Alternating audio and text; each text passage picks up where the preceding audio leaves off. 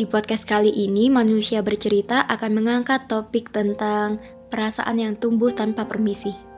Selamat mendengarkan. Pernah ngalamin gak? Suka sama orang, padahal kita tahu bahwa dari awal kamu dan dia gak bisa buat satu. Tapi perasaan itu gak bisa dihindarin. Perasaan itu tumbuh tanpa permisi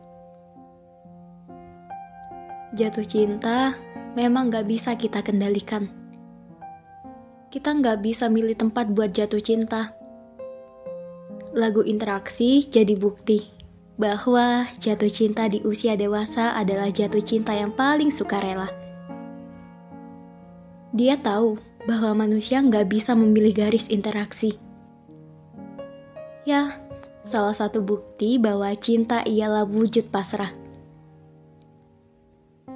Walaupun gak semuanya bisa sesuai dengan apa yang kita inginkan.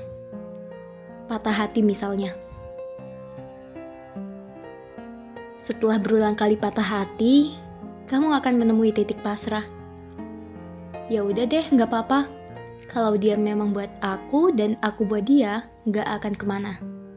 Pun sebaliknya, jodoh gak akan salah alamat.